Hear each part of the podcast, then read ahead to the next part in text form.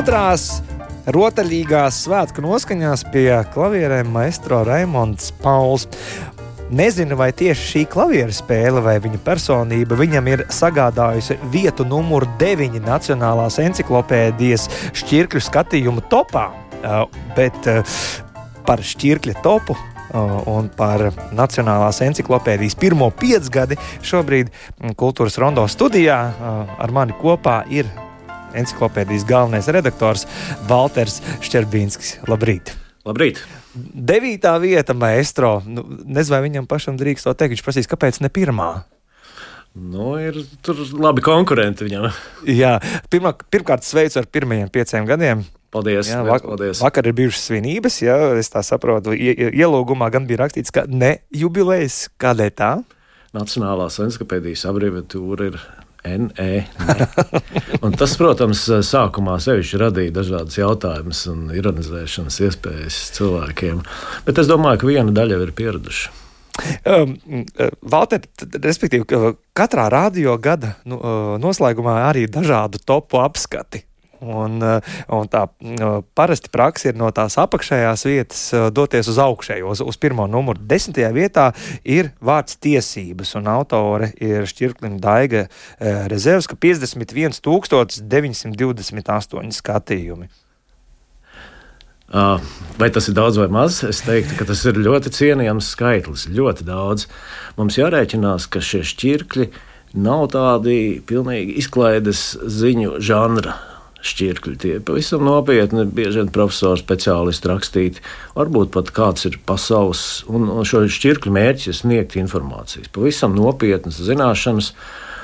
Un, ja ir tāds skatījums zināšanām, Es domāju, ka tas kopumā neliecina slikti par mūsu sabiedrību. Uh, es tiesīju jau, jau minētais Raimons Pauls 9. vietā. Raimonda Paula šķirkļa autore Daiga Mazvērsīte ir savākus 52,687 skatījumus. Arī šeit jāsaka, ka vai tas nav par maz maestro? Es domāju, ka uh, informācija par Raimondu Pauli jau ir uh, visur, kur vien pagriezies, bet uh, katrā ziņā mēs konkurējam ar daudziem citiem resursiem. Uh, Nu, man ir grūti pateikt, vai pa daudz vai pa mazu. Nu, tas ir ļoti filozofisks jautājums. Vai, teiksim, šķirklis pērkons, mums arī ir šķirklis pērkons, vai tas nebūtu pelnījis lielāku skatījumu? Tad varētu padiskutēt. Mēs esam priecīgi par katru skatījumu, jo tiešām tas tie, mums patīk un mēs mīlam visus mūsu šķirkļus. Astotajā vietā latviešu literatūra, tur vesels autoru kolektīvs Pauls Daija, Benedikts Kalničs un Eva Eglāja Kristona 54,201 skatījums. Šis šķirklis pašā sākumā bija numur viens ilgu laiku. Es domāju, ka gan šie šķirkļi, gan arī nākošie, kas atrodas augšgalā, norāda uz zināmu tendenci kopumā. Un tā tendence ir tāda, ka mūsu resursu Nacionālo encyklopēdiju izmanto visi, bet arī pašā laikā tie lielākie, centīgākie izmantotāji, un es tā lēšu, divas trešdaļas ir eh, skola un augstskola jaunatne. Tās ir labas ziņas. Tās ir pilnīgi labas ziņas. Tas nozīmē, ka mēs uh, pildām savu funkciju. Mūsu uzdevums ir palīdzēt ne tikai tādiem uh, cilvēkiem gados, kā es vai, vai teiksim, maniem laikabiedriem, bet palīdzēt arī jauniešiem, kuriem ātri, viegli telefonā vai datorā ir nepieciešams noskaidrot, iegūt augstu informāciju. Un lūk, par sešiem tūkstošiem skatījumu ziņā lēciens uz septīto vietu Latvijas valsts himna - 60 697 skatījumi bet tikai septītā vieta. Jā, nu, Latvijas himna iet cauri gadam. Jo, ja dažiem šķirkļiem ir ļoti, varētu teikt, sezonāls raksturs, piemēram, top 1, top 2, tur pilnīgi noteikti tas ir skolas laiks. Tad valsts himna ir ļoti skatīts šķirklis arī svētkos, vecgadu vakarā, jaungadu dienā. Vasarā tiek lasīta. Tā ir aktualitāte, tā, tā kā laicīga aktualitāte, kas nosaka skatījumu skaitu. Nu, tas, protams, ir gadījumi, kad ir kaut kāda aktualitāte, kaut kāda sabiedrības norise, un cilvēki uzreiz meklē, un, un teiksim, vai arī tā ir televīzijā kaut kas. Vecgadu vakars ir klasisks piemērs, kā cilvēki reaģē uz uh, televīzijas uh, programmu. Latvijas televīzijā rāda eoliku. Pusstunda bija pirms dažiem gadiem. Skatos paralēli analītiku, kas parāda man to cik daudz un ko skatās. Es skatos simtiem, skatās vienā reizē eoliku. vai teiksim, ir ārkārtīgi populārs šķirklis tieši tādās svētku dienās. Uh, 30, 3x3 basketbols savu nemirstošo slavu šķirklis iegūta tieši tajā dienā, kad mēs ieguvām šo zelta medaļu vai noplicinātā urāna munīcija. Šķirklis uh, vienā mirklī, vienas dienas laikā uzkāpa augšā, pašā augšā Google meklētājā, lielā mērā pateicoties faktam, ka izskanēja ziņas, ka Anglija piegādās Ukrainai šo munīciju šo neviennozīmīgi vērtēto munīciju. Un es domāju, ka noteikti tur bija žurnālisti, viena daļa, kas lasīja, kas mēģināja, no, neviens faktiski lielākā daļa ārpus militārām aprindām jau nezināja, ko tas nozīmē īsti. Lieksim pāri pārējām vietām. Sestajā vietā Nacionālā virtuve Latvijā, piektajā Pirmais pasaules karš Latvijā, ceturtajā vietā Pirmais pasaules karš kopsumā. Vispārējā latviešu dziesmu un deju svētki trešajā vietā, aktualitāte tomēr šogad pazudušais dēls otrajā vietā un pirmajā vietā Lāčplēsis epos. Tas Jā. laikam novembris, no, kopš novembra mēneša. Nu, tas nav tikai novembris, un es pat teiktu, varbūt mazāk novembris. Tas ir cauri visu, visu skolas gadu iet cauri. Es domāju, ka skolās tiek ļoti plaši izmantots. Un, un tas blakus efekts tam visam ir iespējams, ka varbūt nu, relatīvi mazāk tiek pats epos lasīts, jo būtībā tas šķirklis piedāvā visu, kas nepieciešams, lai varētu diezgan kompetenti runāt par eposu. Un eh, līdzīgs stāsts, protams, ir arī Blāmaņa novelē. Nu, Blāmaņa novēles vienkārši gāž krēsls. Pārnestā nozīmē ir, ir ārkārtīgi populāra novelas pašas. Es, Man nav ciparu, cik daudz šīs novelas izlasa, bet šķirkļus par novelēm lasa ārkārtīgi daudz. Un pazudušais dēls ir šeit numur divi, pāri par 70 tūkstošiem skatiem.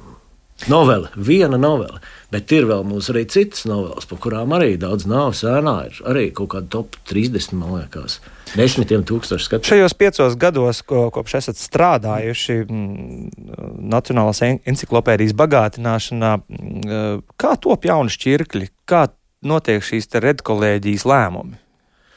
Jā, nu, mums uh, izveidot ir diezgan. Uh, nu, varētu teikt, sarežģīta struktūra encyklopēdijai, un, un tā sarežģītība ir saistīta ar faktu, ka mēs esam ļoti maz paši tie, kas ikdienā strādā.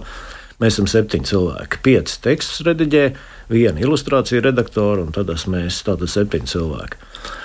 Bet mēs jau, protams, neesam speciālisti lietpratēji visās šajās nozarēs, par kurām ir stāsts, par kurām ir uh, top šķirkļi. Mēs nevaram saprast, vai Jānis vai Ilze ir labākas rakstītājs par attiecīgo jautājumu. Un, tāpēc mums ir redkolēģijas divas. Ir, ir viena ir uh, nozara redkolēģija, kur ir no katras nozares viens pārstāvis, kas mums palīdz orientēties attiecīgajā nozarē. Tā ir filozofija, tas ir piemēram Mārcis Svece, vai tā ir bioloģija, Ulris Kondratovičs, vai nu, praktiski visās nozarēs. Mums ir šādi cilvēki, mums, ar kuriem mums ir, var teikt, sarkanais telefons. Mēs varam katrā laikā piezvanīt, paprasīt, pakonsultēt.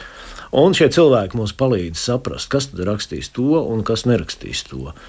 Nu, tad, kad mēs esam sapratuši, tad mēs uzrunājam šos cilvēkus, potenciālos autorus, un tad vienojamies. Un viņi saka, jā, Un tad tiek rakstīts raksts, kā autora, dažkārt netiek uzrakstīts. Kā, kā jūs kopjat to autoru loku, kā viņš ir mainījies piecu gadu laikā? Aug. Visu laiku autoru skaits aug. Mums šobrīd ir 741 autors. Mēs uzskaitām, jo tas šie cipari atsevišķi palīdz sabiedriskajās attiecībās. Daži autori raksta daudz, daži mazāk raksta, daži ir speciālisti kaut kādās ļoti šaurās lietās, daži ir gatavi par lielām lietām rakstīt. Mēs mēģinām, cenšamies uzturēt ļoti labus kontaktus ar viņiem, draudzīgas attiecības. Nu, mēs maksājam arī autora atlīdzības par katru šķirkli, bet es domāju, ka daudzos gadījumos tā autora atlīdzība ir ļoti maza. Salīdzinot ar viņu paveikto darbu. Bet kā laikmetīga informācija, piemēram, nu, dažādas profesijas, kuras, piemēram, pirms pieciem gadiem nebija, ja runājam par nu, tādu jēdzienu, piemēram, sociālo tīklu administrators, vai, vai, kas būtu jāpaskaidro līdzīgām lietām, kā top jauni šķirkļi. Nu, ir speciālisti visās jomās, nu, gandrīz visās, vai teiksim, lielā daļā jomu Latvijā ir speciālisti. Tas nenozīmē, ka nu, varbūt šie speciālisti neprāt, viņi nav roka mūziķi vai sportisti, kas ir teiksim, mūsu zvaigznes un visi viņus zina. Zinātnieki arī zinoši cilvēki ļoti daudz, un, un pa daudziem, pa lielāko daļu no viņiem īsti plašāka publika nezina. Un šie cilvēki ir, ir tādi, kas seko līdzi tam, kas notiek, un ir spējīgi rakstīt, izvērtēt, salīdzināt.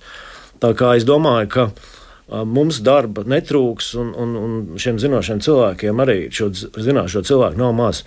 Mēs viņus atrodam, mēs bieži vien nonākam līdz kaut kādiem konceptiem, tieši komunicējot ar cilvēku, kurš pasakā, ko jūs man prasiet šo, bet ziniet, jauna lieta ir patiesībā pavisam svaiga lieta, ir šāda.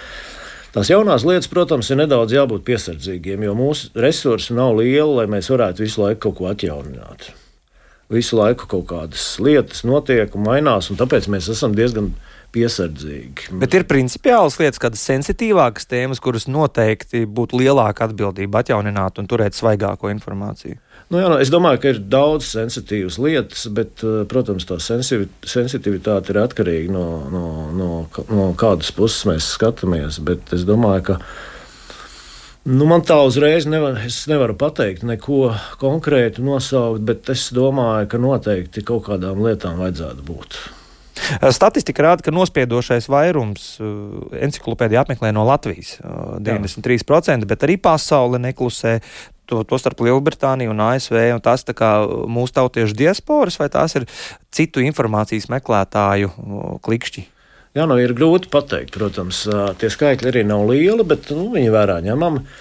Es personīgi zinu latviešus, kas dzīvo ASV, kuri nu, vairāk vai mazāk izmanto encyklopēdiju. Man gribētos domāt, ka daudz izmanto, jo faktiski tas ir ļoti labs rīks dzīvojot kaut kur tālu, kaut kur projām, izmantot izglītības procesā.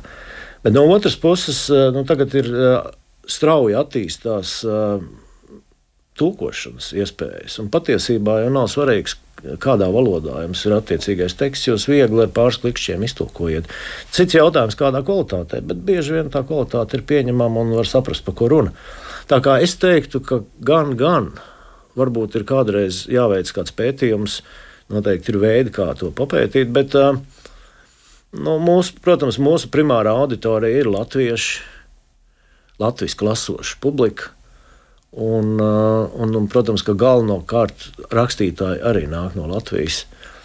Protams, ir arī ārzemnieki, un parādīsies ar vien vairāk un vairāk ārzemnieku, jo visas lietas mēs nevaram noklāt. Bet tajā pašā laikā es domāju, ka mēs varētu būt tikai lepni, ja mūsu autors sarakstītos tekstus daudz izmantot ārzemnieku, tulkot.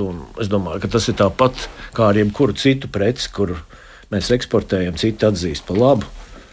Vai ambiciozais plāns mm, konkurēt ar Wikipēdiju ir joprojām uh, uzdevumu augšgalā? Nē, tāds plāns mums nekad nav bijis. Mums nevienu dienu nav bijis uh, plāns konkurēt ar uh, Wikipēdiju, kas principā ir ļoti atšķirīga, veidota pēc atšķirīgiem principiem, ar, ar atšķirīgiem mērķiem. Neviena encyklopēdija nekonkurē ar Wikipēdiju. Varbūt kaut kādā ziņā tur lasītāji aiziet vienā vai otrā virzienā, bet principā tas ir. No, neiespējami, jo tiek veidoti abi resursi, tiek veidoti ar fundamentāli atšķirīgām pieejām. Līdz ar to Nē, viss vis kārtībā. Jā, jā. Es, do, do, jā. uzsvērt ar, ar sitienu pa galdu. Jā, jā. Bet, eh, bet tiešām šo jautājumu ļoti daudz savulaik uzdeva, un, un man diezgan skaidra atbilde ir, ka man nav ne, ne, nekāda īpaša negatīva vai pozitīva attieksme. Vienkārši Wikipēdija ir fenomens, kas pastāv un kuru daudz izmanto. Tāpat arī encyklopēdija ir augoša auditorija. Norvēģijā, piemēram, lielais norvēģu leksikons. Skaitliskā ziņā ir apsteidzis Norvēģiju Wikipēdiju. Arī angļu valodā, gan norvēģi, abās valodās, gan angļu valodā vairāk lasa encyklopēdiju, nevis Wikipēdiju Norvēģiju.